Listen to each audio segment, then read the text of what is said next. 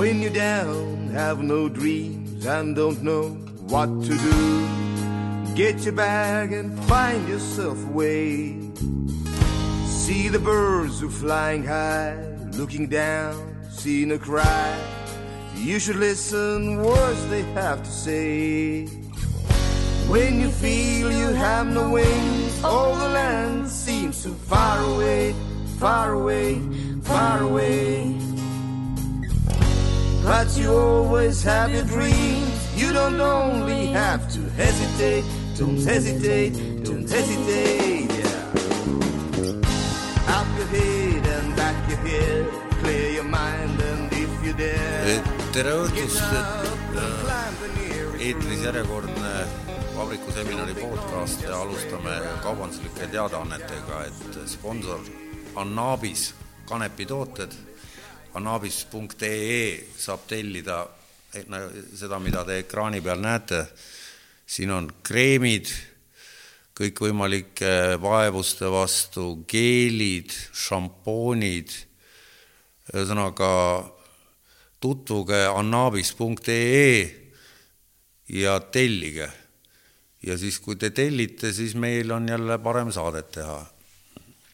ja selline teadaanne ka veel juurde, et siinsamas vabrik või selles Tallinna Kammerteatris kakskümmend üks ja kakskümmend kaheksa november Indrek Taalma etendused Sinised kilesussid jalas, Andrus Kivirähi kirjutatud kümnes hooaeg selle etendusega, nii et piletid Piletilevis. no nii, ja alustame saatega, tere Jaan! tere! Et mis sa naerad mis sa naerad? ei ma, et jah, üldiselt kunst on vist kõige emotsionaalsem asi, millest rääkida, et ma olen nüüd paarkümmend saadet teinud ja kunstnikke on siin paar tükki käinud enne ka ja alati, et teadlastega on kuidagi rahulikum. et mis sa sellest arvad?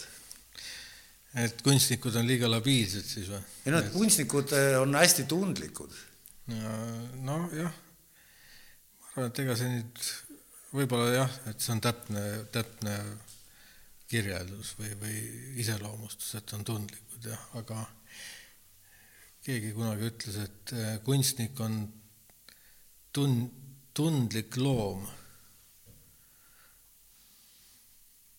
aga tundlik loom, jah. aga samas ma ta-, sina pole üldse kunstniku moodi, et kunstnikku kujutame ette ikka pikk sall, barett ja boheemlane, aga sa pole kunagi siukest, siukse, siukest moodi ringi käinud või oled? no see oli, kuidas kunagi, praegu ta võib-olla üheksakümnendatel olid kunstnikud, kõik olid mustas. et noh, mul on midagi nagu musta jäänud. aga tuleb mingit halli värvi ja rohelist ka sisse et tegelikult bareti ja sellise salliga, noh, need käivad veidrikud, kes käivad tänava pealt ilusaid modelle otsimas võib-olla. aga no aga boheemlased on ikka ju, kunstnikud reeglina on ju. Ähm, sa ei ole, sa ei ole boheemlase ma ei ole, ma ei ole võib-olla nii trenditeadlik inimene, et noh, missugune äh, tänapäeva kunstnik peab välja nägema, ma arvan, et, et ta on nii nišistunud, et on igasuguseid, ma arvan. sest eh, Vikipeedias on sinu kohta, ma panin selle üri-, selle event'i ju, juurde kirja ka, et videokunstnik, maalikunstnik, videokunstnik ja filmitegija. et eh, see oli selline lause, kes sa oled. et kas sa oled nõus selle lausega? sinna võiks veel mingeid asju lisada, siis, siis ma ei ole üldse mitte keegi, et eh, tavaliselt ma ise olen enda jaoks nagu selle asja nagu lahti mõtestanud nii, et eh, mida rohkem rolle on, seda kergem on sellest õigest rollist nagu ähm, seda õiget rolli ära peita võib-olla. aga sul on mingi roll siis või, sest kus see piir sul jookseb päriselu ja kunsti vahel? kui me räägime, et kunstnik on tundlik, on ju, et siis kuidas kellelgi see tundlikkus avaldub, et ähm, mingis mõttes sa tahad, tahad olla ju tähelepanu väljas ja muljet avaldada ja, ja, ja mõjuda inimestele, on ju. ja sa pead olema mingis mõttes nagu väljapaistev ka, et muidu sind ei panda tähele. aga sa ei ole.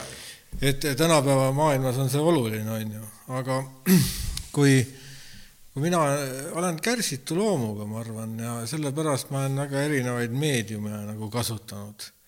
Et no mingisugune üks selline loominguline kreedo on sama läbi kõikide meediumite, mingi metafüüsiline olemus, kui nii saab öelda, või irratsionaalne alge, aga kui mul on.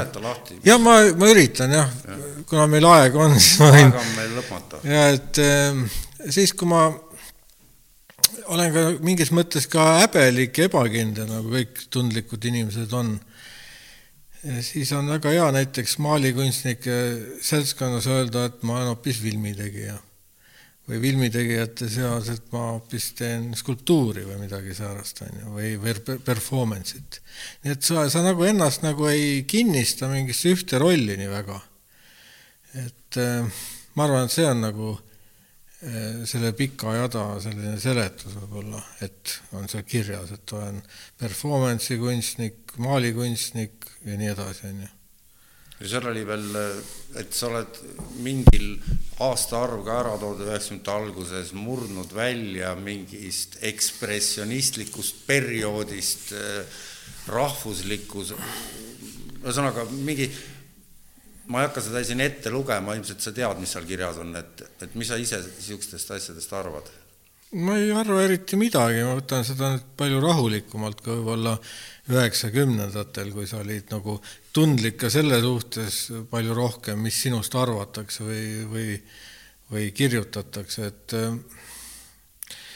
et sellised tõlgendused on head, kui on võimalikult ambivalentselt võimalik seda teha, aga aga samas peab siin olema ka tähelepanek, et inimesed on reeglina laisad nii intellektuaalselt kui emotsionaalselt, et kui nad mingisuguse stereotüübi sinust nagu kinni püüavad, siis nad eh, näevadki läbi selle sind, on ju, eh, aastakümneid, on ju, et ma iseenda arust äh, ei ole ei puhas ekspressionist ega ka ängikunstnik äh, puhtalt, et pigemalt, pigem ma olen iseenda arust nagu pigem läbi, läbi selle ängi olen ka sellist äh, nalja teinud. aga see äng on sul niisugune läbiv, niisugune morbiidne teema on, see on, see on sul väga isiklik. no ma, ma räägingi, et see on nagu pandud mingi silt peale, ma just nagu tahtsingi seletada, et ja, ja tihtipeale kunstikriitiku või, või hindaja laiskuseks ta ei hakkagi mingeid uusi momente seal nägema või mingeid teisi, teisi selliseid eh, dimensioone. Et ma olen, eh, palju teen tööd nagu välismaal, eh, välismaiste kuraatoritega ja ja siis on vahest on, ma olen nagu ise läinud ka selle stereotüübiga peale, et paneme mingisuguse komplekti kuskil näitusel kokku ja ja ma ütlen, kas on kuidagi liiga ängistav või. siis mingi Itaalia kuraator, tuntud rahvusvaheliselt, ütleb, et aga ma ei näe siin mingit ängi, et et hoopis need ja need, need momendid on ju, ja siis ma saan nagu hoopis mingit täiesti neutraalset, objektiivset noh, teist laadi sellist äh, tagasisidet äh, oma asjade suhtes. aga see on ikka riigiti ju erinev, Itaalias on üks asi, sul hiljuti oli Moskva moodsakunstimuuseumis isikunäitus, et kuidas seal kuraator, mis tema, nad on ju ikkagi erinevad temperamendid erinevates, Sao Paulos näiteks ja Moskvas või Veneetsia biennaalil ja kuskil Rootsis. ma olen tegelikult professionaalne kunstnik, ütleme ma ise ükskord mõtlesin kaheksakümne viiendast aastast, siis ma esimest korda sain nagu oma pildi ühele ülevaatenäitusele ja, ja siis võib nagu lugeda, et see on nagu karjääri algus. tohib küsida, mis pilt see oli?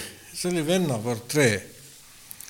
ja, ja ma esitasin kaks pilti, aga teine oli üks akt, naisakt ja siis selle kohta oli ma hiljem nagu kuulsin komisjoni ühe liikme käest, et peeti pornograafiliseks. kaheksakümne viiendal aastal? no Nõukogude ajal. no tõesti jah, et äh, täiesti tavaline selline värskelt maalitud akt. Ähm, oota, mis sa siis küsisid, kuidas riikides erinevalt, jah mm? -hmm. No ma olen esinenud jah, umbes sellest ajast peale sadadel näitustel võib-olla ma ei, ole, ma ei ole kokku lugenud ausalt öeldes. aga kus see pihta hakkas see tõsine möll, kas see oli Veneetsia biennaal või? see algas üheksakümne, üheksakümne neljandal Sao Paulo biennaaliga, kui esimest korda valiti Ida-Euroopa nagu Sao Paulo biennaalile, siis üks Horvaatia kuraator käis siis eh, kõik need Ida-Euroopa maad läbi ja siis valis igalt maalt ühe-kaks kunstnikku. ja ma täiesti juhuslikult sinna sattusin. ja siis said nagu nii-öelda rahvakeeli kelgu peale? jah, päris korralikult tol ajal. ja kuidas siis nüüd edasi on, et ära ütlemised rohkem? ega kunstniku elu ei ole mingi selline meelakkumine et äh, on igasuguseid asju, tõusi ja mõõnu ja kriise ja, ja kõike üksjagu. et sa pead arvestama, et üks päev oled sa narr, teisel päeval kuningas ja nii, nii vaheldumisi. ja siis veel mingid veidrad rollid sinna juurde, on ju.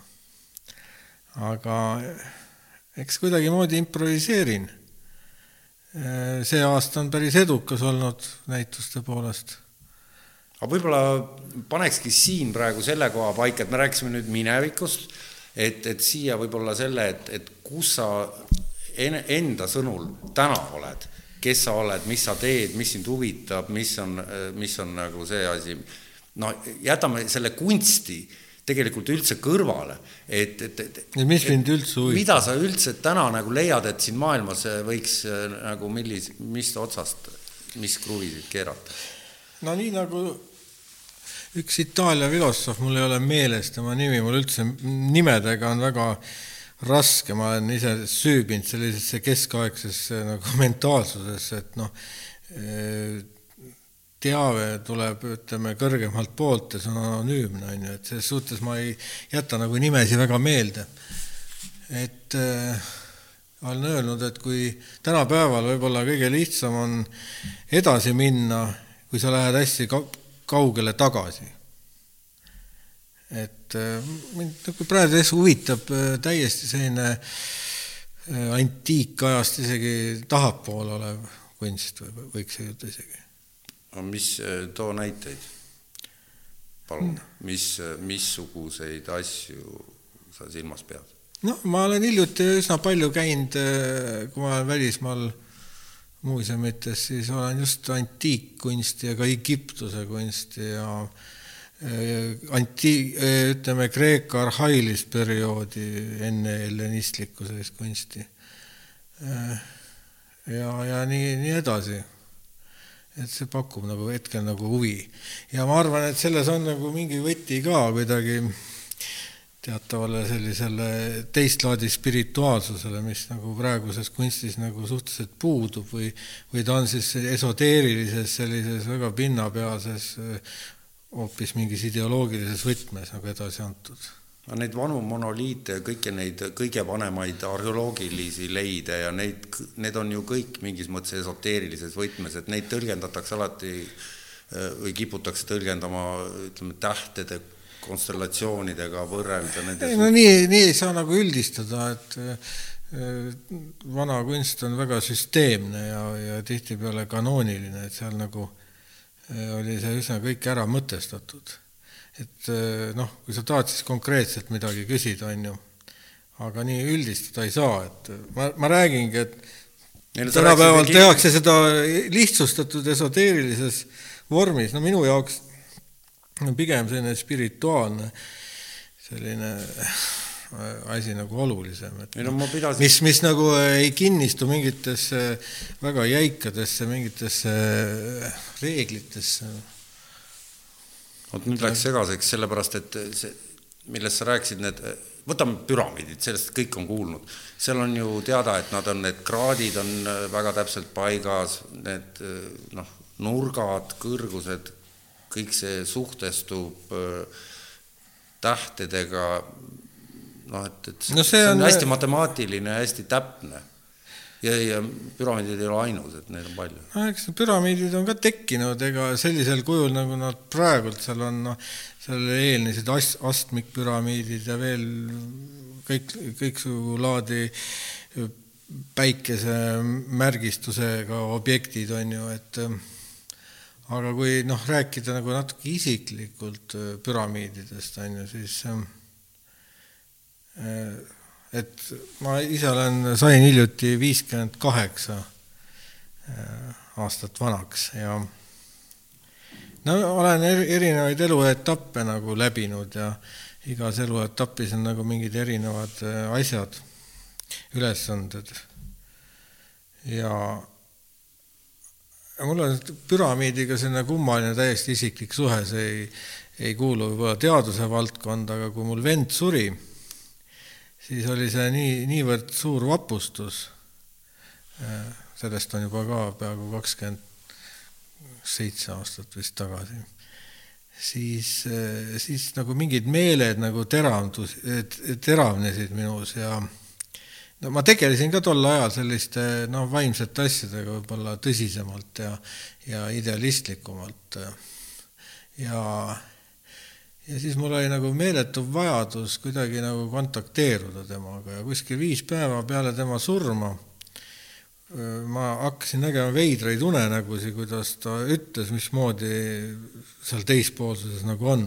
siis ma kirjutasin neid tekste ülesse imestasin, et nii, nii kummaline on see maailm seal. aga mul ei jäänud mitte midagi meelde ärgates, aga üks, üks ainukene selline kujund nagu jäi meelde, et ta ütles, et kui, et vaim läheb püramiidi tipust kiirena välja.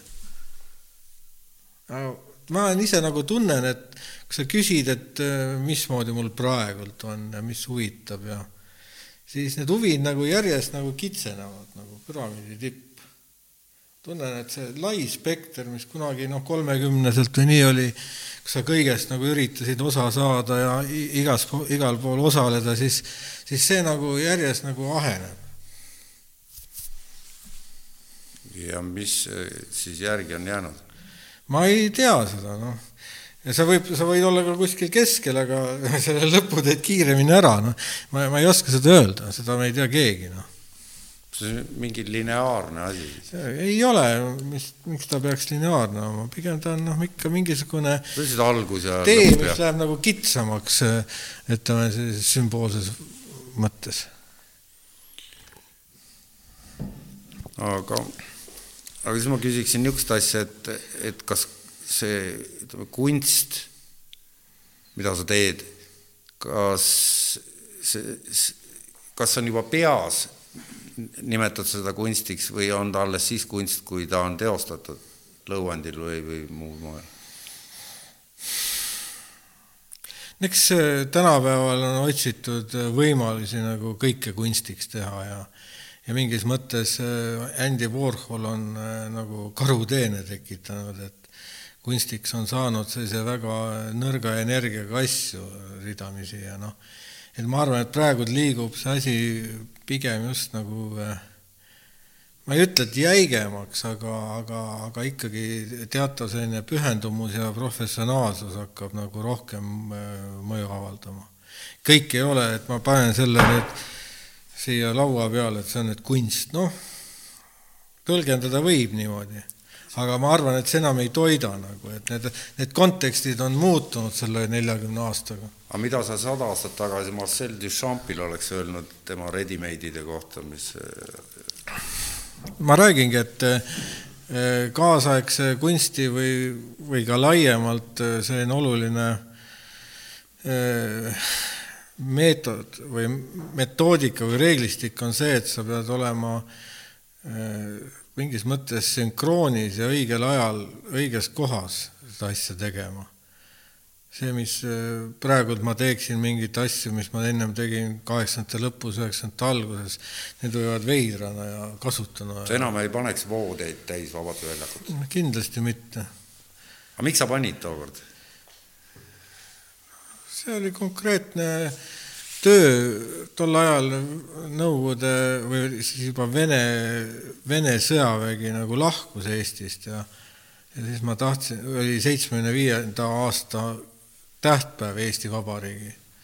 ma siis ostsin Keila-Joa äh, sõjaväeosast äh, seitsekümmend viis reformvoodit no, sõdurivoodit. mäletan seda pulli. ja, ja seda sai, no tol ajal oli kogu see kauplemine oli väga selline, no ise, ise tead, väga meeleolukas ja, ja, ja siis eh, ma mõtlesin, et noh, et nagu sümboolselt seitsekümmend viis aastat, seitsekümmend viis aastat siis Eesti Vabariik ja seitsekümmend viis raudvoodit ja, ja mingis mõttes oli nagu nendel eh, noh, teatavas mõttes nende lahkuvate sõdurite hingede noh, selline sümboolika, noh.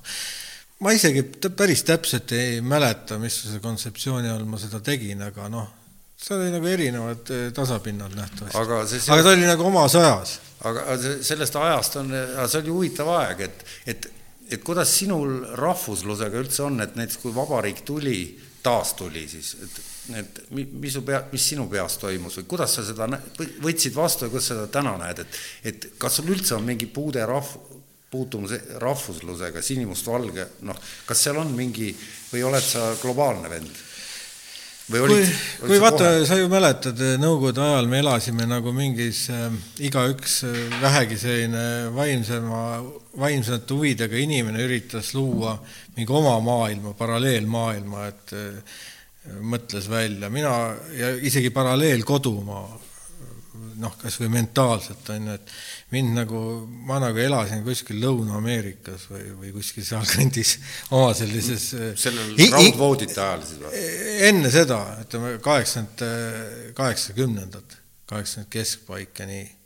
selleks, et tol ajal oli see üsna repressiivne ja meil oli vähe informatsiooni kõigest ja ja ma nagu ei noh, muidugi mulle, ma olin teadlik Nõukogude okupatsioonist ja kõigest, ise Vene sõjaväes teeninud ja kõike seda jäl-, jälkus nä-, äh, olin näinud.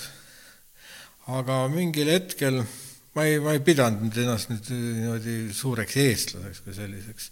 aga siis, kui see laulev revolutsioon, siis ma läksin nagu ikkagi no emotsionaalse inimesena mõjutatuna kaasa sellega ja siis ma võib-olla tugevalt tundsin, et ma olen nagu eestlane aga see väljendub, vot see, see on üks asi, mida ma sinu puhul pole kunagi aru saanud, et et, et vähemalt see pole jutuks tulnud, et, et mis suhe sul selle asjaga on üldse, et Eestis kõigil ju on mingi suhe? no ma arvan, et ma, kui ma olen siia sündinud, see ei ole ka juhuslik, on ju, siis ma pean seda rolli täitma ja, ja, ja pidama lugu sellest eripärast, mis, mis selle see, see, see territoorium ja see kooslus siin evib endast.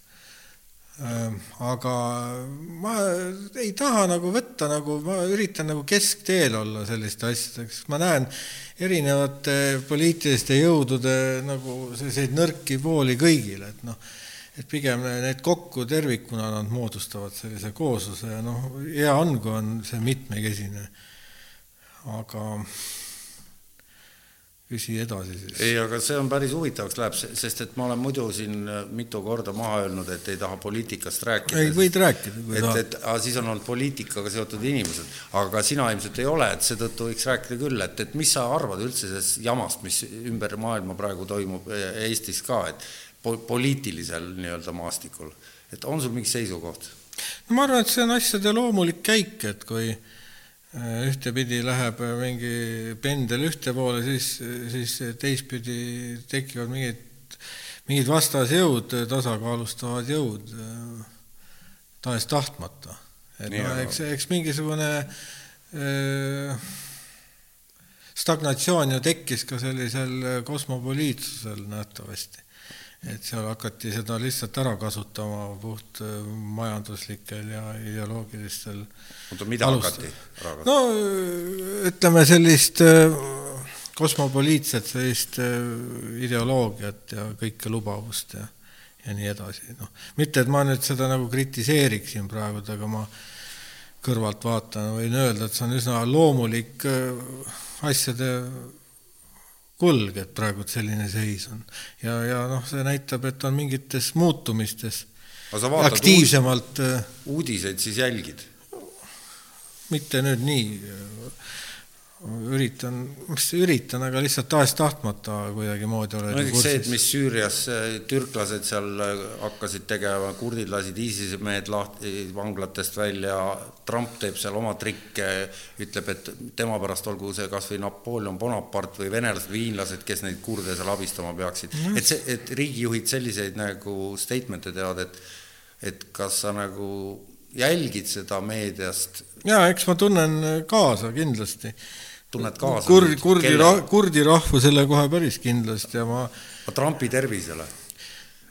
Trump, Trumpi suhtes ma olen, olin algul nagu skeptilisem kui isegi praegu, et ta, praegu ta on selline päris hea performaator. aa, ma just tahtsin öelda, et, et, et sul on naljakas ma ei tea, eks, eks ta ole ka täpselt niimoodi tekkinud mitte tühja koha peale, vaid teatava nõudluse kaudu aga mis seal Kurdi, Kurdistani puutub, siis seal on ju ka minu teada ka Laidoneri käsi mängus, kui kahekümnendatel need riigipiirid seal tõmmati, aga Laidoner vist oli selles komisjonis. et selline meelevaldne kurdi, ikkagi üle kolmekümne miljoni inimese ilma riigita, noh, sellises äh, kuumas kohas see, see, seda suppi nüüd praegu need, need riigid söövad, kaasa arvatud Türgi see supp on nüüd ikkagi oluliselt laiem kui kurdid. noh, ma räägingi, et eh, see hõlmab, eh, noh, ta on üks ärevust tekitav kindlasti.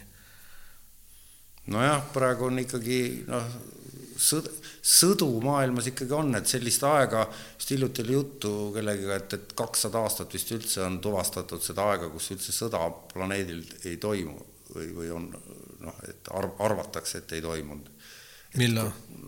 Noh, ajaloo jooksul kokku. aa, et ei ole toimunud? mitte kuskil ko? jah, et, et kogu aeg käib madin. no ma arvan ka, et ikka alates animistlikest kultuuridest see, see, see inimese selline ekspansiooni ja ja võimu, võimu selline iha on ikka pidevalt olnud, see on sisse kodeeritud sellises kas või reptiili ajus, noh, mis meil on oota, aga kas sa seostad animistlikku kultuuri millega? ei no ütlen enne tsivilisa-, enne suuri tsivilisatsioone kogu aeg on inimkond ju äh, sõdinud ja, ja, ja tapnud äh, üksteist. et selles suhtes ma ei usu, et siin üldse ühtegi momenti on olnud, kus kuskil ei, mõned hõimudki kas või üksteist ei tapa. nojah, et äh, aga niisugune maailmarahu mees sa ei ole pigem see rahu tuleb iseendast teha, ma arvan, eelkõige. aga niimoodi lihtsalt mingit ideoloogiat, noh, see on, see on vastavalt eh, sisetundele, kui sul on selline missioon, sa tajud, et sa pead seda tegema, siis eh, muidugi, miks mitte. ma, ma arvan, et ma peaks enda sisemuse korda kõigepealt saama, enne kui ma noh, hakkan midagi kuulutama teistele no sa tegeled meditatsiooni või millegi sellise, jooga või sedalaadi asjaga ka või? olen tegelenud, aga minu jaoks on võib-olla maalimine näiteks kõige parem meditatsioon või, või kas või kalapüük näiteks no.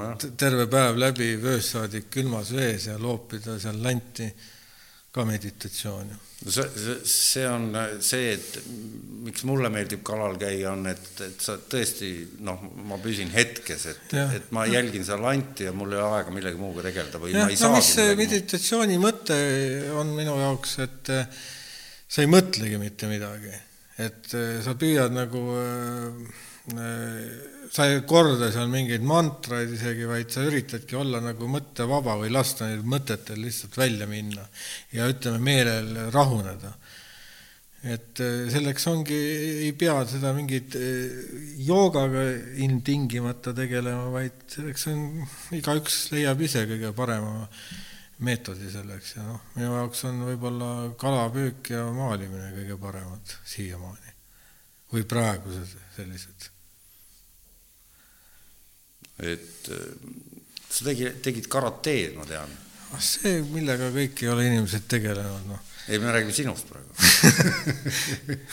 et, et mäletan, et see oli juttu kunagi sellest, et no kunagi no, jah, aastaid, juba peaaegu kakskümmend aastat tagasi võib-olla jah, või rohkemgi küsimuse mõte oli see, et idamaised võitluskunstid kui selline vorm, kuidas ennast nii-öelda noh, sa nimelt ütlesid endaga tegelemine, et, et no tol ajal ma olin ka sellisest äh, idamaistest õpetustest nagu rohkem nagu sisse võetud kõvasti, eriti zen-budismist, mis nagu karateega nagu on suhteliselt noh, sarnane siis momendis olemine ja, ja ennast täiesti vahetult välja panemine ja ka selline automatism mingis mõttes. Aga see automatism ei tulene mingist lõtvusest, vaid see on nagu väga pikaajalise distsipliini nagu tulemus kui selline. vot siin ennem saadet mõeldes erinevate asjade peale tuli noh Antonin Artaud ja Jerzy Grotowski, sellised tegelased ja seal, see oli vist Artaud raamat, esseeraamatu eessõnas, Grotowski paneb äh, vastamisi, paneb spontaansuse ja distsipliini. Ja, ja väidab, et need kaks asja on omavahel koos koosmõjuna. Justkui oleksid vastandid, aga koostööna, et niiviisi saab sündida tõeline kunst või tema pidas silmas teatrit, et no ma olen sellega nõus, see on puhas tsennilik mõtlemine, et sellele automatismile eelneb väga kõva distsipliin, eriti noh, enamikule inimeste jaoks, mõni on andekam, saab kergemini selle spontaansuse ja vahetuse kätte aga tavaliselt ikkagi ka kunstis ja kõiges muus on ikkagi metsik töö peab nagu taga olema. No vot, see Artaud oligi selles mõttes silmapaistev kuju, et, et ta on väga tuntud inimene, ta mõjutas Peter Brooki, ta mõjutas sedasama Grotowskit ja veel mitmeid.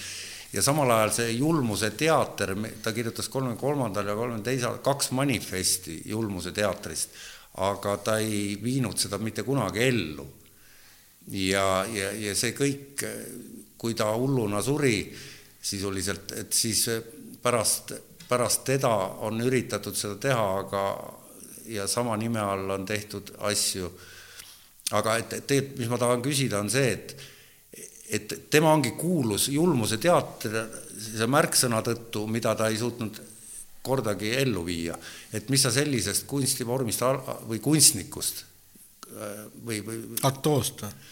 Arto jah, et inimene, kes loob mingi ideoloogia või, või, või vormi, mida ellu ta ei vii, aga, aga sellest jätkub kõneainet veel sajaks aastaks. no siis ta mingis mõttes viis ellu ju, et noh, ka verbaalsel kirjutatud kujul on ta nagu kontseptuaalne kunstnik siis või kontseptuaalne teos, mida siis hiljem on võimalik rekonstrueerida või no nii nagu kuuekümnendatel, seitsmekümnendatel tehti ju hulganisti installatsioone ja kontseptuaalset kunsti, kus kunstnik noh, pani mingi asja kirja, et eh, hiljem, eh, kui ta oli kuulus, siis eh, MoMA või mingi muuseum ostis ka selle töö ära, kus oli näiteks kirjeldus, et lähed kell viis hommikul kuhugi, ma ei tea, oma maja katusele, kired seal, lähed alla ja teed veel midagi, on ju ja siis viis, viis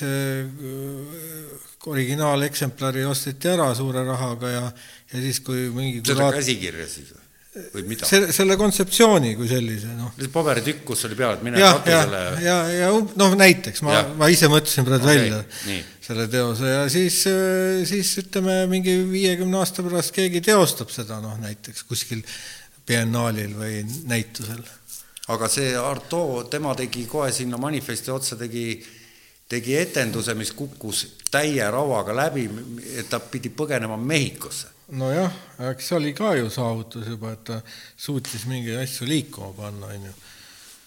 et kunsti mõte ongi see, et ta nagu mingit, nihestab teatavat sellist noh, hangunud või, või, või, või sellist liiga stabiilset sellist situatsiooni no tema alustas sürrealistina ja visati kohe sealt samast sürrealistide pundist üsna ruttu välja. et mis sa sürrealismist arvad? sellest ajastust, üldse kahekümnendad võtame. sürrealism on mulle päris palju nagu äh, mõjutanud mind. kunstivooluna.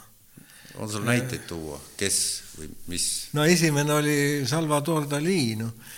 ma mäletan, kuidas me sõbraga, ma elasin tol ajal Haapsalus seitsmekümnendate lõpus, siis me teadsime, et on olemas Kreutzwaldi raamatukogus üks Dali album. siis me sõitsime rongiga, kolm tundi loksusime Balti jaama, läksime sealt üles ja vaatasime seda Dali albumit nagu mingit ilmutust. ja, ja saime nagu kogu kaifi tol hetkel kätte ja siis sõitsime rongiga tagasi niimoodi. et see oli selline kunsti vaatamine tol ajal. Et te..., et selliseid neid raamatuid, neid, no siis tekkis huvi nagu ka teiste sürrealistide vastu nagu Max Ernst ja, ja kõik need bretoonid ja, ja nii, nii edasi ja nii edasi, on ju. ja, ja ka ise olen teinud sürrealistlikke teoseid.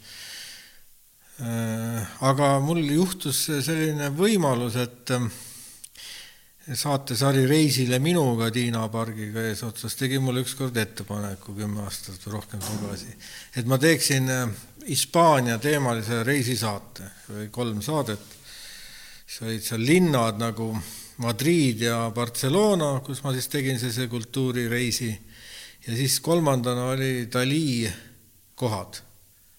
Dali oli teatavasti kataloon, on ju, katala-, katalaan, on ju. Ja siis ma käisin kõik need Dali kohad läbi ja, ja kuidagi tunnetasin selle asja ära ja ja kuidagi nägin, kuidas need tööd, konkreetsed tööd olid nagu, kus, mis keskkonnas tekkinud ja üritasin seda kõike ette võtta. ma arvan, et see oli päris õnnestunud saat-, saade siis Dalist ma sain täitsa rahule. aga räägi kahe sõnaga, ma olen piltide pealt näinud see maja, see tema maja muuseum, kus on need munad on katusel. jah, see oli nagu räägi sellest, et kuidas no see tema kohalik, tema kodulinn, näed, nimi ei tule. no vahet ei ole nimel. okei okay,, ta, ta lõpuks maabuski siis oma kodulinnas, elades ennem siis Pariisis ja Madridis ja ka Ameerikas aga lõpuks ikkagi läks oma kodulinna ja ja siis linnavalitsus andis talle mingi vana teatrihoone, kui ma ei eksi. Ja sinna siis ta sai nagu teha Dali teatri kui sellise, mis on nagu selline, kus ta aeg-ajalt performeeris, tegi etendusi, näitusi ja nii edasi, kõikvõimalikke selliseid äh, esitlusi. ja siis, äh, siis äh, teine koht oli nagu sellest jah, kus ta siis ateljee oli nagu väiksemal kujul, see, see äh, töökoht, kus väga paljud tema maalid ja, ja, ja kogu see maastik, ta isegi rääkiski, et see, see maastik nagu on juba iseenesest need, need kaljuvormid juba sellised, mis on juba nagu sürreaalsed ja ja sa hakkad seal nägema nagu erinevaid seda hallutsino-, geenseid ilmutusi või selliseid? ilmutustest, hallutsinogeensetest rääkides, vot see film, mis nad Buñueliga tegid kahekümnendate lõpus, Andaluusia koer, et mis sa arvad, mis ained seal mängus olid, et nad väitsid, et see oli unenägu? no vähemalt ma olen lugenud midagi. kindlasti midagi nad võisid tarvitada, no Buñuel on teine, üks, üks mu lemmikuid võib-olla filmimaailmast, võiks öelda ega pole ilmaasjata nad ei saanud kokku. jah, et äh, Punueeli kodanluse diskreetne võlu on ikka võrratu film ju. on aga jah, siis ja kolmas objekt siis seal kõige lähedal oli siis Kaala maja, on ju, Kaala oli teatavasti tema, tema muusa ja naine ja Bretoni endine naine, keda siis Dali nagu üle lõi sellisel veidral moel, et ma mõtlesin, et ikka väga veidral moel, aga hiljem ma sain Räägi, aru, ma, ma ei tea midagi, mismoodi see käis?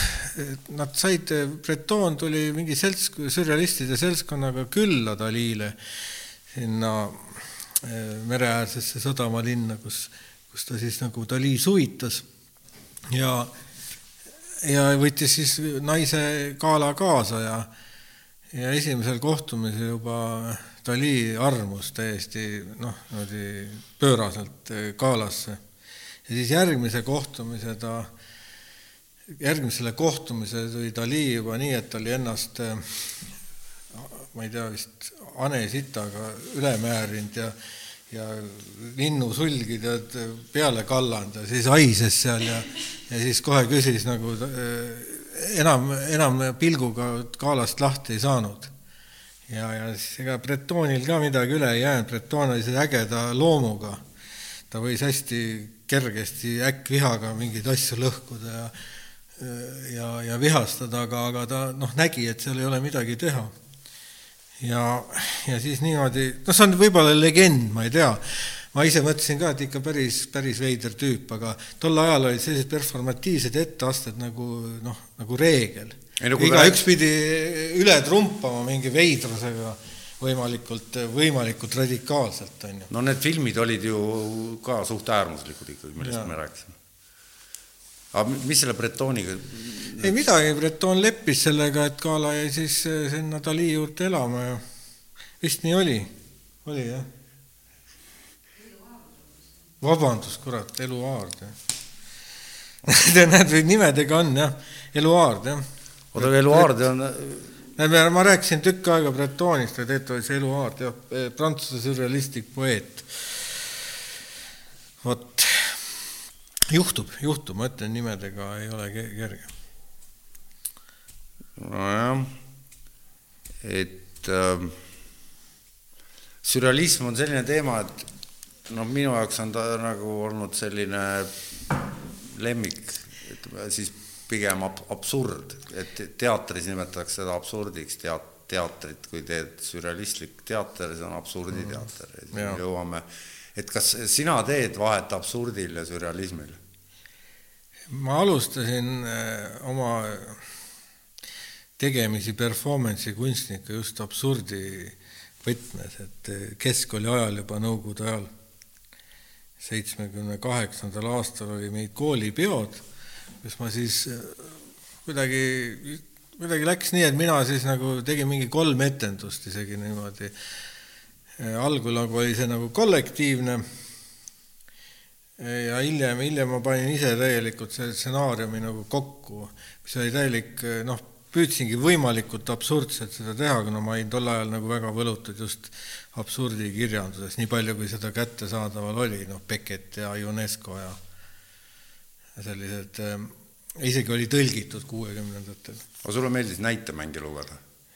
ei, ausalt öeldes ei meeldi, aga siis ma üritasin seda nagu järgi teha koolis ja see lõppes sellega, et ähm, ma kasutasin seal tegelaskujusid nagu Jeesus Kristus ja Lenin ja ma mäletan, minu kommunistist, kommunistist klassijuhataja oli tõsimeelne kommunist hakkas nutma selle peale, ta ka käis, käis seal etenduse proovis, kus terve klass siis osales minu juhtimisel ja ja, ja ütles, et tema ei saa seda lubada, et Lenin ja Jeesus Kristus on võrdselt laval, on ju.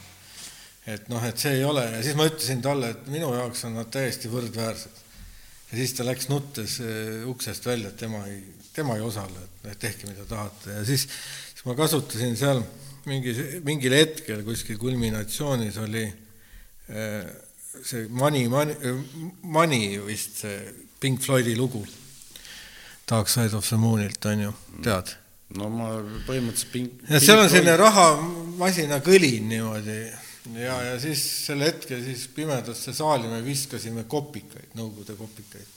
see oli niisugune mõnitamine, Nõukogude raha mõnitamine, et mind kutsuti eh, kommunistlikku sellesse parteikomiteesse kohalikku ja, ja, ja see oli siis Haapsalus? Haapsalus jah, et no taheti koolist välja visata viimases klassis. ainult see, mitte Lenin, mitte Kristus, vaid raha loopimine? raha loop-, loopimine ja ma ennem tegin ka igast pulli, panin, reklaamisime neid etendusi, nii et ma äh, poosin mingisuguse nuku üles, kellel oli siis silt, äh, silt oli nagu noh, nii nagu vangilaagrites tehti mingid poodud, et, et sel, sel kellaajal toimub äh, aulas etendus selline, sellise nime all. no teil oli siis ikka väga vabameelne kool. ei olnud, ah, ma, ma saingi peaaegu oleks koolist välja visatud. no peaaegu, meil oleks selle peale maha löödud, mitte aga, aga tänu emale, kes oli selline prominentne inimene natukene väikeses linnas, siis äh, kuidagi see asi nagu laabus, nii et äh, ma sain lihtsalt käitumishinde mitte rahuldava no see oli ikka väga leebe kool, ütleme nii, mis, kui vana sa olid siis? see oli seitsmekümne üheksandal aastal. mis, mitmes klass, noh? viimane klass, üheteistkümnes. no mäes, nad ei hakanud sind välja viskama, et niikuinii lähed ise varsti. ja, jah. sellega algaski tegelikult minu perfor-, performance'i kunstniku selline noh, selline algne karjäär, võiks öelda just absurditeatriga kui sellisega. Ma just mõtlen, et sel ajal mina ei teadnud niisugust sõnagi nagu performance. ei, siis ei olnudki, ma lugesin Visarite mingid tõlgitud Visarite tekstid olid käsitsi seal mingi kopeerpaberist läbi lastud viiskümmend korda. oota, mis Visari? Visarid on üks kunstnikurühmitus, oli kuuekümnendatel väga oluline, kes mõjutas sellist moodsamat äh, mõtlemist ja siis Visarid, kes seal olid, Kaljo Põllu vist oli üks põhiline, kes siis tõlkis erinevaid nagu lääne kunstiraamatuid. ja siis neid trükiti käsitsi, eks seda nagu, see oli keelatud. ja sealt ma sain siis esimesed algteadmised, et oli selline kunsti, kunstivool nagu performance on olemas. mis aastal? seitsmekümnendate lõpp. siis tuli punk, tuli ka samal ajal ja sinul tuli performance. sa, need kaks no punkar ei ole kunagi olnud ja punkmuusika, noh, on mulle võib-olla hiljem läbi mingi free džässi või sellist eksperimentaalmuusika no, tulnud. teine maailm kui punk et äh, mul nagu punkt muusika. aga räägi performance'idest veel, et, et sa saidki ju tuntuks nende performance idega, et et, et kõige rohkem vist ma saan aru, üle maailma on ostetud seda uisutamise performance'i. räägi selle, ma tean, et tegelikult on vist võimatu rääkida, mis sa seal teed ja miks sa seda teed, aga ikkagi tahaks küsida, et, et, et, et et kui nüüd kõik need üle maailma need muuseumid, kes seda teost on ostnud, kõigepealt esimene küsimus on see, et kui sa tiražeerima seda hakkasid et kuidas sa langetad otsuse, mitu tükki sa teed, kui ja, ja siis millal ja kui saabub hetk, et nüüd on otsas, siis kuidas sa saad vastu kiusatusele neid juurde teha, kui kiidab osta? no ega ei saagi tegelikult, et seal on reegel, noh, enam-vähem sa ise määrad, kuna sa kirjutad sellele sertifikaadile, et ütleme, et on esimene originaalkoopia viiest näiteks, noh ma müüsin need viis tükki ära ja siis oli noh, siis tuli veel nagu nõudlus järjest nagu no, ja no., ja siis, siis, siis juba, siis ma leidsin, no anti nõu, et on ka veel kunstniku koopiad, on ju. nüüd sa pead täpsemaks minema, et need, kes maksid esimese viie eest ju sellepärast, et neid ei ole rohkem. jah, ja siis summa. on paar tükki, sa võid nagu kunstnike koopiaid ka veel teha, ütleme siis mul oli veel kaks kunstniku koopiat nagu ja viimase ma müüsin sellisele muuseumile nagu Louis Vuitton Foundation, mis asub Pariisis. noh, selle uisutaja? jah, jah, kui nüüd kiidelda, ütleme asjadega. ei, aga kiit-, kiitlemine on huvitav, et äh, räägi, kuidas Louis Vuitton, mis teeb, on tuntud kottide tootjana ta nagu, samas, samas äh, on ka üks suurimaid kunstiostjaid äh, Euroopas praktiliselt, kõige eksklusiivne, neil on selline väga võimas võimas muuseum nüüd ehitatud Pariisi selline. aga räägi selle, sellest dilemmast, kui nüüd Louis Vuitton muuseum ostis ilmselt päris normaalse raha eest sult selle töö ära ja nüüd, kui tuleb järgmine Louis Vuitton, et ma tahan ka. Mismoodi see no,, mismoodi see nüüd käib, et sa ütled, et ei saagi müüa, noh, see on läbi müüdud. kõik, jah? Sold out. ja pakud midagi muud siis või? et hoopis no, see. jah, võib ka midagi muud pakkuda, kui, kui nad tahavad, aga noh, üldiselt ega videodega see on selline nišikaup, et ega aga mis nendega üldse, mida nad teevad nendega, see Louis Vuitton? Nad on, no nii, panevad oma kollektsiooni, aeg-ajalt mingitel näitustel näida-, näitavad. seda näidati ka mingi pool aastat seal, seda uisutajat, uisutasin pool aastat kuskil no aga nüüd meil kuulajad-vaatajad võib-olla noh, kõik ei tea, millest me räägime üldse, et, et võib-olla räägi paari sõnaga lahti see, mis asi see oli? Tähendab, ma räägin hästi niimoodi, et igaüks saab ambivalentselt sellest nagu aru. situatsioon selline, et silmapiirilt tuleb üks figuur läheneb vaatajale, jõuab vaatajani ja siis hakkab ümber selle vaataja tiirutama ja, ja siis kaob silmapiiri taha jälle. ja seda kõike saadab äh, kümneaastase lapse äh, laul ladina keeles, üks, üks, üks äh, tundmatu neljateistkümnenda sajandi Koraan, koraal, koraal. laulja oli ja poeg. laulja oli mu oma poeg ja uisutaja olin mina alasti. noh, kõike muud võib, võib igaüks ise mõelda aga see alasti, nüüd me jõuame sinna, et, et alates õlimaalidest lõpetades videote ja filmidega sul see kuidagi, see teema jookseb kogu aeg läbi? noh, alastus on nagu mingi, ta on nagu pigem selline puhastatud äh, inim, inimkujund kui selline, noh. Äh, no, jookseb... see, see on võib-olla antiik, antiikkultuuri mõjud minule võib-olla, võiks nii öelda nüüd. Või, või, või liialt palju olen vaadanud äh, vanat kunsti, renessansi aegset ja, ja nii edasi. kas on lihtsam maalida või on raskem? kui sa paned mingi konkreetse riietuse, noh, siis ta tekitab mingeid äh, teist laadi selliseid äh, noh, lisa, lisa selliseid noh, kontekste on ju.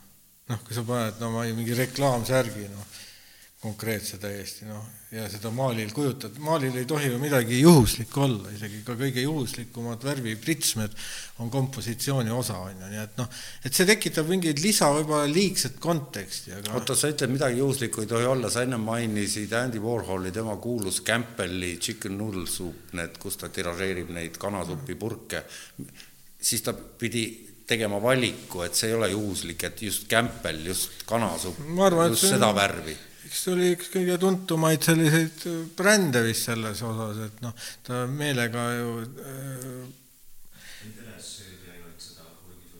jah. jah, et, et see, see ikka teadlik valik täiesti konkreetselt ideoloogilistel, ma ei hakka nüüd seda kõike popkunsti sündi sulle nüüd siin rääkima, on ju ei, ikkagi tahaks küsida, et noh, seesama sa ütlesid, et suvaline, et värvilaik ei ole kunagi juhuslik, noh, Jackson Pollocki teosed, et sellest on muidugi, seda on nii palju kedratud, aga aga ma, mina ei ole saanud ühtegi no, enda jaoks pädevat seletust, et kui kuidas seda mõtestada. ja kui palju selles entroopiaski on juhuslikkust, on ju. no entroopia ei puuduta kunsti, noh, selles mõttes. noh, kui see Jackson Pollock seal kaootiliselt neid, aga ta tegi seda suhteliselt äh, ikkagi süsteemselt ja ta jõudis selleni väga pika protsessi järgi, on ju. et äh, selleks ta oli ikka üsna palju nagu neid tonnides juba värve kulutanud, kui ta jõudis sellise spontaansele action painting'u laadi juurde. räägi see lahti, et ku, ku, kuidas mõttes jõudis pikaajalise protsessini ka selleni, et loopida justkui lihtsalt plätserdada üks lõuend täis, et et kuidas see kunstniku peas siis toimub, ta al alustab realistlike maalidega ja siis liigub kuhu, entroopiasse? no jah, üks, üks tuumafüüsik, kes oli Jackson Pollocki eh, maale nägi, nägi Moomas, siis ütles, et see on puhas selline kood selliseks kvantfüüsikale või, või kosmose sellistele struktuuridele et inimene võib-olla mingi oma mingi automatismiga võib-olla kordab mingeid äh, arhetüüpseid struktuure iseenda sees, mis, mis on nii kosmoses, mikro- kui makrokosmoses olemas. aga no ega Jackson Pollock ei olnud ka esimene action painting'u tegija no,. see action painting on selle asja nimi? jah, et, et sa mingis aktsiooni käigus äh, teed abstraktseid maale, ütleme lühidalt öeldes, aga oli üks selline vähem tuntud üldse neljakümnendatel juba tegutses üks Lääne-Saksa kunstnik kui Walls, keda peetakse nagu veel enne selleks äh, noh, sellelaadse kunsti tegijaks, on ju. aga Jackson Pollocki no, elulugu oli üsna keeruline ju. ja muidugi selle taga oli ka metsik töö ja pühendumus, et äh, ta oli siin äh, alustas sellise monumentaalmaalijana, vist oli Siqueirose õpilane isegi või mõjutatud. ja, ja siis liikus, liikus järjest sellise figuuri kaotamise või deformatsiooni kaudu siis sinna, on ju, et see ei olnud lihtsalt, et nüüd et vau, et on, kohe tuli selline, see oli selline ränk, raske sellise kahtluste, katsetamiste ja, ja tulemus, et ta sinna jõudis ja vahepeal ta oli isegi hullumajas, kus ta tegi, ma olen näinud ühte kataloogi, kus anti välja, kus ta hullumajas siis tegi neid, tol ajal oli see psühhanalüütilised äh, sublimatiivsete joonistami-, joonistuste tegemised on ju hullumaa, anti hulludele kätte, arvati, et see ravib nagu hästi. siis oli terve raamat oli, mis ta seal hullumajas tegi, missuguseid veidraid joonistusi ja, ja maale sellest on film ka tema elust, et kus ta see hullumaja perioodi ma ei mäleta, kas selles filmis oli. ei olnud, seal oli, mul on meeles see vist oli välja, jah. kuskil maapiirkonnas hoovi peal, ta plätserdas kuskil kuuris ja sõbrad jõid seal ümber ja, ja mingid naised olid ka ja mingi sihuke möll käib. aga vist jah, sai surma autoõnnetusel, sõitis ennast purjus peaga surnuks. aga äh, selline küsimus, et kas sul endal on olnud nagu läbi aja või on, on, on, on, on see muutuv, eeskujud, eeskujud on märksõna. mis no. stiili mõttes, kui ütleme siis äh, nimed, et kes? ma olen nagu mingil perioodil, kui ma tegelesin, ütleme, see zen-budismiga tõsimeelselt, siis seal on üks selline ütlus, et sul ei tohi olla nagu autoriteete, noh, üldse. et isegi kui Buda sulle ütleb midagi, siis löö Buda maha. et sa pead ise oma sellist sisemist sellist äh, taju ja, ja sellist kaemust nagu jälgima eelkõige. et äh, see nagu mingis mõttes segas mul noorena selliste eeskujude nagu leidmist ja ega ma olen otsinud endale kogu aeg õpetajat kui sellist eluaega, aga ei ole ausalt öeldes leidnudki. siit-sealt korjad kokku selliseid asju läbi, läbi isikliku vaeva ja kannatuste tihtipeale. siis sa oled nagu noorest saadik budism, budismi kaldud? no kõige rohkem ma olen tegelenud jah, mitte kanooniliselt, praegu noh, ma arvan, ma ei taha ennast siduda nagu jäigalt millegagi. et eks ma kunstnik ju peab ju üsna palju ka olema kursis üldise kultuuri kontekstiga, nii et noh, kõik on saadud uurida, uurida mingi, mingitel aegadel filosoofia, kunst, tähendab, religioon on tegelikult huvitav teema, et, et budism ei ole ju tegelikult religioon, ta on pigem, pigem õpetus, aga mis suhe sul religiooniga, kui on sul ka sellega mingit pistmist? see on väga keeruline teema, et ma võib-olla ei ole keeruline jah, aga huvitav. ei ole nagu võib-olla pädev sellest ka rääkima, aga eks ta ei, ma ei tahagi, et sa loengut religioonist hakkaks eks ta ole selline püüd, püüd nagu lihtsustada sellist eh, keerulist maailma, noh, eelkõige selline, ütleme, institutsionaalne religioon. ei, aga jätame aga, aga noh, mind on, mind on jah, võib-olla selline irratsionaalsem külg nagu huvitanud. müstika. jah, pigem jah, et kui ja, ja paratamatult eh, kunsti ajalugu, religiooni tundmata, ütleme, lääne kunsti on nagu raske nagu mõista ju tegelikult, eks. no religioon on eh, kogu aeg olnud lääne kunstis ka, ka teemana sam,. samal ajal ka eksisteerinud väga ja. aktiivselt seal ümber, eks. seda ongi raske vist ignoreerida. et eh, Nõukogude Liit suudis, suutis seda, üritas seda ignoreerida, et eks, eks see, see ateism on ju ka religiooni üks selliseid vorme, eit-, eituse kaudu, on ju. kuidas see kunstis ateism väljendub? et jumala puudumine, see ei ole ju nähtav no mingi tundlikum inimene võib öelda, et ta tajub, et seal ei ole mingisugust jumalat sees, mis iganes, on ju. et äh, seda saab rääkida nagu konkreetsetest äh, kunstnikest suundadest, on ju, konkreetsetest teostest lähtuvalt, on ju. et niimoodi üldistada ma nagu ei, ei oska, sest me kõik usume millegi, millegisse, mingitesse süsteemidesse või meil on mingid kultuurilised stereotüübid nii tugevalt sees, et nagu äh, päris sellist kontekstivabat asja teha, noh, kõik üritavad või mingi, mingil, ka kunstnikud mingitel perioodidel täiesti neutraalset kontekstivaba isiksuse puudumist nagu kujutada, aga see ei, noh, tavaliselt ei õnnestu, eks me, me oleme niivõrd äh, kokku konstrueeritud kõikidest eelarvamustest ja stereotüüpidest, et eelarvamustest rääkides eelarvamus on see, et kunstnik on üks luftivend ja samal ajal on kunst, nii palju kui mina kunstist aru saan, väga tõsine asi. ja ma saan aru, et sinu jaoks ilmselt ka.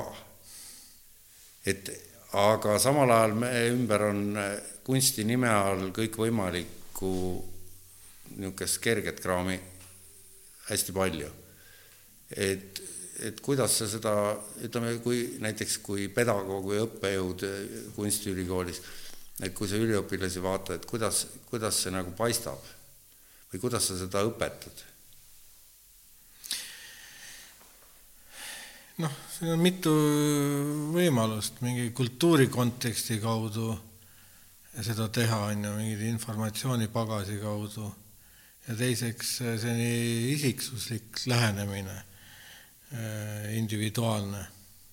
et sa vaatad, äh, noh, nii või teisiti sa pead olema nagu kursis, äh, mis toimub ümberringi ja nägema seda aja kontekstis seda asja ja siis lisaks sa pead nagu suutma nagu intuitiivselt tajuda selle õpilase sellist eh, suunda, et noh, mis, mis temale võiks olla nagu kasulik, see on, see on kõik selline kombo intuitsioonist, teadmistest eh, ja kõigest muust, on ju.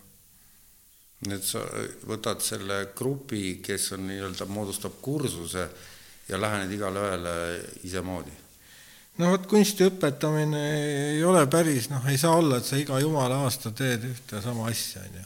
siis see kontekst ju muutub, on ju. õppekava kui sellist ei ole. see, mida ma, on küll, aga eh, see on teistmoodi paigas.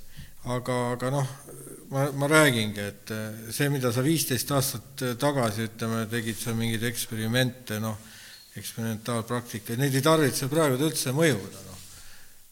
no aeg, aeg muutub. jah ja kaua sa oled olnud seal õpe, õpetanud nüüd? tegelikult ma alustasin juba õppejõuna vahetult peale kooli lõpetamist. lõpetasin kooli üheksakümmend üks, tol ajal nagu oli kuus aastat õppimist. ja kohe, see oli siis tähendab suve algul lõpetasin. ja see veel Nõukogude aeg vist viimaseid kuid ja, ja siis sügisel mind juba kutsuti Tartusse õpetama, siis oli see, loodi Tartus kunstiülikooli, tol ajal sellise nime all, filiaal. ja siis ma olin tunni tasuliselt, õpetasin ja, aga koosseisuliselt ma olen olnud äh, üheksakümne üheksandast vist, ei, või kahe tuhandest, kuskilt niimoodi, päris kaua ka juba ja siis nüüd selle algse küsimuse juurde tagasi, et see ajad muutub, see on nüüd äh, kaheksateist aastat siis, et äh, mida sa õpetad, kui sa õpetad kunsti mida ma õpetan? jah. Ma üritan äh, õpetada lähtuvalt muidugi inimesest, mida keegi vajab, noh, mõni võib-olla vajab selliseid tehnilisi oskusi rohkem. ma näen, et ta on nagu selline välja kujunenud isiksus juba päris või vähemalt tal on mingisugune oma suund, on ju, et ma ei hakka seda nagu vägivaldselt nagu muutma. aitäh. ja aga äh, muidugi ma üritan neile anda ka teadmise ülevaadet mis on toimunud ja toimub ja, ja, ja, ja, ja õpetada neile nagu nägema asju natuke nagu mingi nihestatud nurga alt võib-olla minu kui, no lähtuvalt sellest, mida ma ise olen nagu läbi teinud ja kogenud, et ega ma ei saa õpetada. tegelikult on meil õpetada ainult võib-olla paari asja ainult tegelikult. mida? No igalühel, igal äh? kunstnikul, igal tegijal on võib-olla paar, paar sellist lauset, võib ühe lausega kokku võtta, mida ta oskab tegelikult õpetada. no nii nagu ütleme, seal karateest võib tuua näite, et sa õpetad ainult ühte lööki tegema näiteks. okei okay,, sa õpetad ja, ja rohkem ja... polegi vaja võib-olla. aga no ütleme, mina, kuna ma olen tegelenud erinevate asjadega, siis mul on võib-olla see, see tööriistakast, tobe sõna, on nagu võib-olla moodne suur, vähemalt. suurem, ei teagi no ütleme, mina olen õpilane, tahan tulla, tahan saada ka, ka maailmakuulsaks kunstnikuks nagu Aha. sina. ja nüüd tulen ja olen nõus maksma mm. -hmm. Jaan, õpeta mulle ka. kas see on üldse võimalik, on minu küsimus, et. no kui sa väga tahad minu juurde tulla, noh, õppima, siis ma panen sind paar aastat pesed mul pintsleid näiteks. okei okay,, ma saan zen-budistlikust lähenemisest aru, aga et eh, kas on üldse võimalik? ja siis ma vaatan, kui sa suudad see kaks aastat pintsleid puhastada, noh, siis õpetame edasi. aga kas on okay, võimalik? see tänapäeval nii ei toimu. tänapäeval on see kliendipõhine, et sa pead meeldima õpilasele ja, ja atraktiivne olema ja, ja noh, narri mängima ja olema nagu kliendi haldur, on ju kliendi haldur on muidugi väga hea väljend. aga kas on võimalik õpetada, see saab õpilane sisse tasulisele kohale ja nüüd sa vaatad, et kurat, no mitte midagi ei ole pihta hakata tüübiga. noh, aga ta on su õpilane, ta maksab ka. mida sa teed siis? noh eks see on selline süda, südametunnistuse asi ausalt öeldes. no aga see peaks olema ju argipäev. Väga, päris ikka nii no väga selliseid eh, puhtaid lehti nagu väga ei tule ka, ütleme, akadeemias, me ennem nagu selle puhas leht on halb siis? ei noh, selles mõttes, et tal puudub igasugune oskus, noh. et ma arvan, et ikkagi on mingisugune loodusliku, looduslik anne võiks olla ja, ja, ja noh, tavaliselt ta ei jõua akadeemiasse ilma, et üldse mitte midagi ei oska teha, noh. me, no, me ei... ikkagi võtame seal vastu ka tasulisi, lihtsalt jätame need välja, noh. mismoodi? no on valikuvõimalus siiski veel, et noh, päris andetuid, kellel üldse puuduvad võimed, noh, manuaalselt kas või, või mõelda niimoodi kunstniku, kunstnikuna selleks on vestlusvoor ja, ja teatavad praktilised ülesanded. kui suur või mis üldse vahekorras või kuidas sa seda äh, tasakaalu, et mõistus ja käeosavus näiteks, et, et need on ju mõlemad äärmiselt olulised? nojah, mina arvan, et äh, mõlemad on vajalikud, mingitel perioodidel tähtsustatakse ühte rohkem.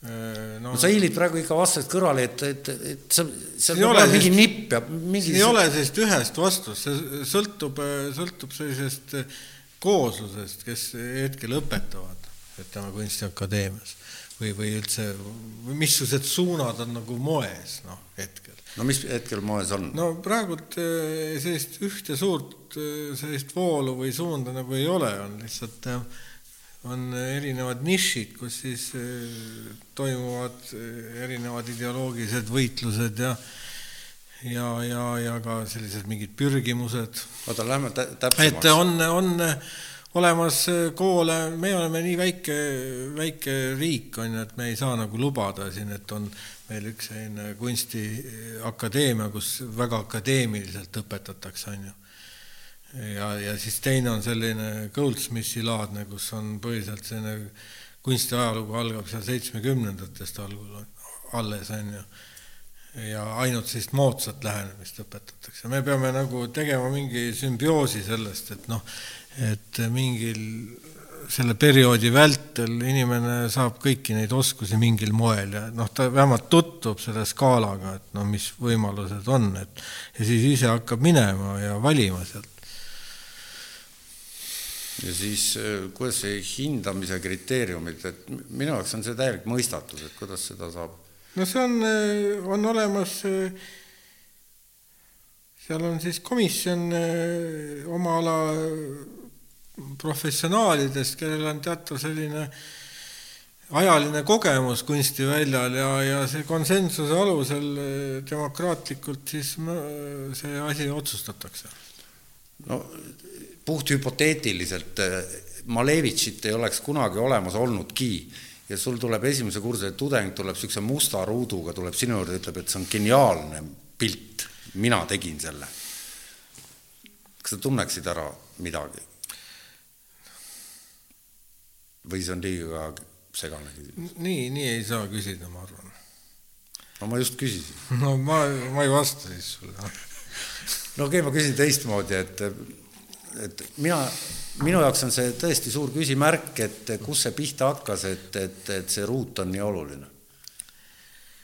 noh, Malevits oli oma ajas, tal oli terve filosoofia selle taga. Et noh, kui, kui sa oled epikoon sellega ja, ja üritad selle komisjoni näiteks ära tõestada, mi-, mis on see sinu panus sellesse Malevitši ruutu, on ju, ja lood sellise mingisuguse väga eh, huvitava sellise kontseptsiooni sinna taha, siis võib see täiesti veenda seda komisjoni, ütleme nii aga mis omal ajal või mis veenis seda, ma ei tea, mis komisjoni, kes iganes need inimesed olid, kes otsustasid ühel päeval, et see pilt on, on just nii väärtuslik, nagu ta on. et, et see on nagu selline, ütleme, tavamõistusele no, raske aru saada. Malevitš ju ikkagi äh, ringles tol ajal äh, sellises kõrge, ütleme niinimetatud kõrge kunstnike seltskonnas, kus kus väga tundlikult ja, ja huviga no jälgiti, mismoodi need liikumised on tol ajal ja, ja, ja noh, see oli nagu omas ajas nagu väga niimoodi, ma ütlen, õigel ajal õiges kohas, noh, lõi läbi ega ma ka ei tea, mis lugu selle ruudu taga on. ma ka. et miks ta ikkagi lihtsalt must see, ruut valgel taustal või valge ruut mustal taustal. selleks võib Google'isse panna selline sõna suprematism näiteks ja siis see on selle kunsti superlatism. suprematism. suprematism. jaa, et selle, selle kunstivoolu nimi, mida siis Malevis lõi, on ju. tema lõi kunstivoolu? jah, tema lõi, nii nagu ütleme, sürrealisti, sürrealismi loodi kellegi teist, teiste poolt. nojah. no nii, et äh, nüüd vist äh, me oleme rääkinud poliitikast, Malevitšist, Dalist, teatrist, kalapüügist, natuke paljudest asjadest. et ma ennem vaatasin, et ega, ega sinuga mingeid intervjuusid väga kuskilt võtta ei ole, mille pealt nagu mingit materjali hankida. ei ole või? ma olen ikka üsna palju neid intervjuusid andnud, ma ei tea, kuidas nad salvestatud on, aga noh, või palju neid netti löödud on no, ümber, et tegelikult olen ikka, ikka neid andnud üksjagu oma elus no,. selles suhtes on nagu väga raske ka endale mitte trafaretselt rääkida noh, äh, asjadest nojah, et ma üritan nagu hoida mingisugust sellist noh, mitte minna isiklikuks ja samal ajal mingit informatsiooni välja pumbata, et et see, see, see on nagu eesmärk praegu, et et sa ennist ütlesid, et, et noh, välismaal, et noh, nii palju noh, ma arvan, kõik meie kuulajad-vaatajad teavad, et sa oled vist kas kõige, aga üks kõige tuntumatest Eesti kunstnikest maailmas. on, no niimoodi. las see jääb nende okei okay et, et kuidas sa ise seda nagu tunnetad, kui sa mööda ilma rändad, et et võrreldes nüüd seal näitustel on mingid teised, kes on ka maailmakuulsad, kuidas Eesti kunsti, kunstnike ütleme, maine on? ei no niimoodi ei saa öelda. no mina võin küsida. välismaal nagu, nagu no on, ma ei usu, et nüüd rahvuste järgi seda nagu võetakse, võib-olla suure rahva esindajal on mingis mõttes nagu kergem, mingis mõttes nagu ka raskem, on ju. Et nagu kunstnik olla on siin Eestis võib-olla igaüks, kes midagi teeb, ta mingil hetkel ikka mingi tähelepanu saab, on ju, aga noh, aga samas ei ole ka see, see ütleme, see supikauss nii, tihke kui, kui see, see, kes ütleme, saab tuntuks kuskil Saksamaal või Ameerikas, on ju. et on olemas ikkagi kunstimetropolid ja noh kus, kus, kus see elu toimub nagu intensiivsemalt ja, ja, ja kasulik on kindlasti noorena seal olla võimalikult kaua. No ma mõtlen seda, et kui näiteks Inglismaal Saatchi galerii valib mingisuguse kunstniku ülikooli all välja, ostab kõik ta pildid ära, paneb nad näituse üles, hinnalipikud juurde, ongi inimene kuulus, kunstnik, teosed maksavad, et, et kas need on targad inimesed, kes teevad valikuid või on see puhas turundus? no eks ole kõike, see on mingisugune, üritatakse prognoosida ja, ja ette näha, et, et sellel kunstnikul, noorel kunstnikul võib olla kunagi suurem turuväärtus, aga noh, palju, see on nii nagu börsil mingis mõttes, et sa pead riskima mingi rahaga, aga mingi, mingi, mingi, mingite asjadega lähed alt ja mingite asjadega võid võita, noh. et kuidas selle raha, kuidas sa vaatad üldse hind ja kunst, raha ja kunst? niisuguse asja peale, see on niisugune hästi muidugi jälle klišee. ma ei ole selle ala spetsialist niivõrd, et sellest peab mingit eh, läbi küsitlema eh, erinevaid galeriste nii meil kui mujalt, on ju, et ei, aga sul endal seisukohta üldse pole, et, et, et noh, no ma arvan, et äh, mis seisukohta? no kunsti hindamise, raha, rahasse ümberhindamise suhtes, et et kuivõrd see üldse adekvaatne on?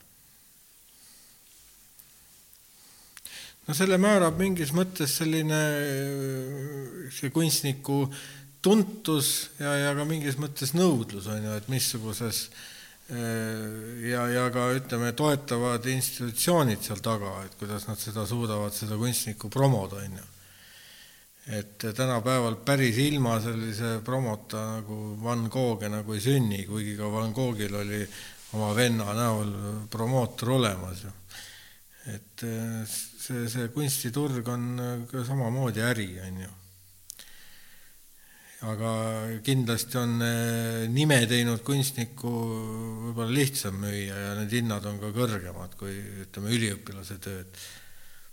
Seda kindlasti, aga, aga sedalaadi kunst nagu Kostabi tegi, et, et ta ise enam ei, ei maalinud, et, et, et teised teevad tema eest, et mis, mis, kuidas seda nimetada? eks see oli ka selline kontseptuaalne projekt mingiks hetkeks, aga hiljem ta lihtsalt äh, lihtsalt muutus nagu äriks, et inimene noh, üritab ära elada.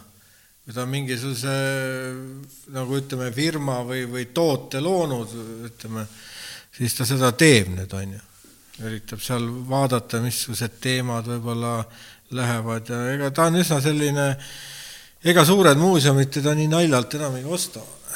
et ta on ikkagi, ikkagi selline äriprojekt eelkõige aga kas, tead, ma tahaks seda teada, kas kunstniku, hea kunstniku on võimalik ära tunda selle järgi, et tema pildid on kallid?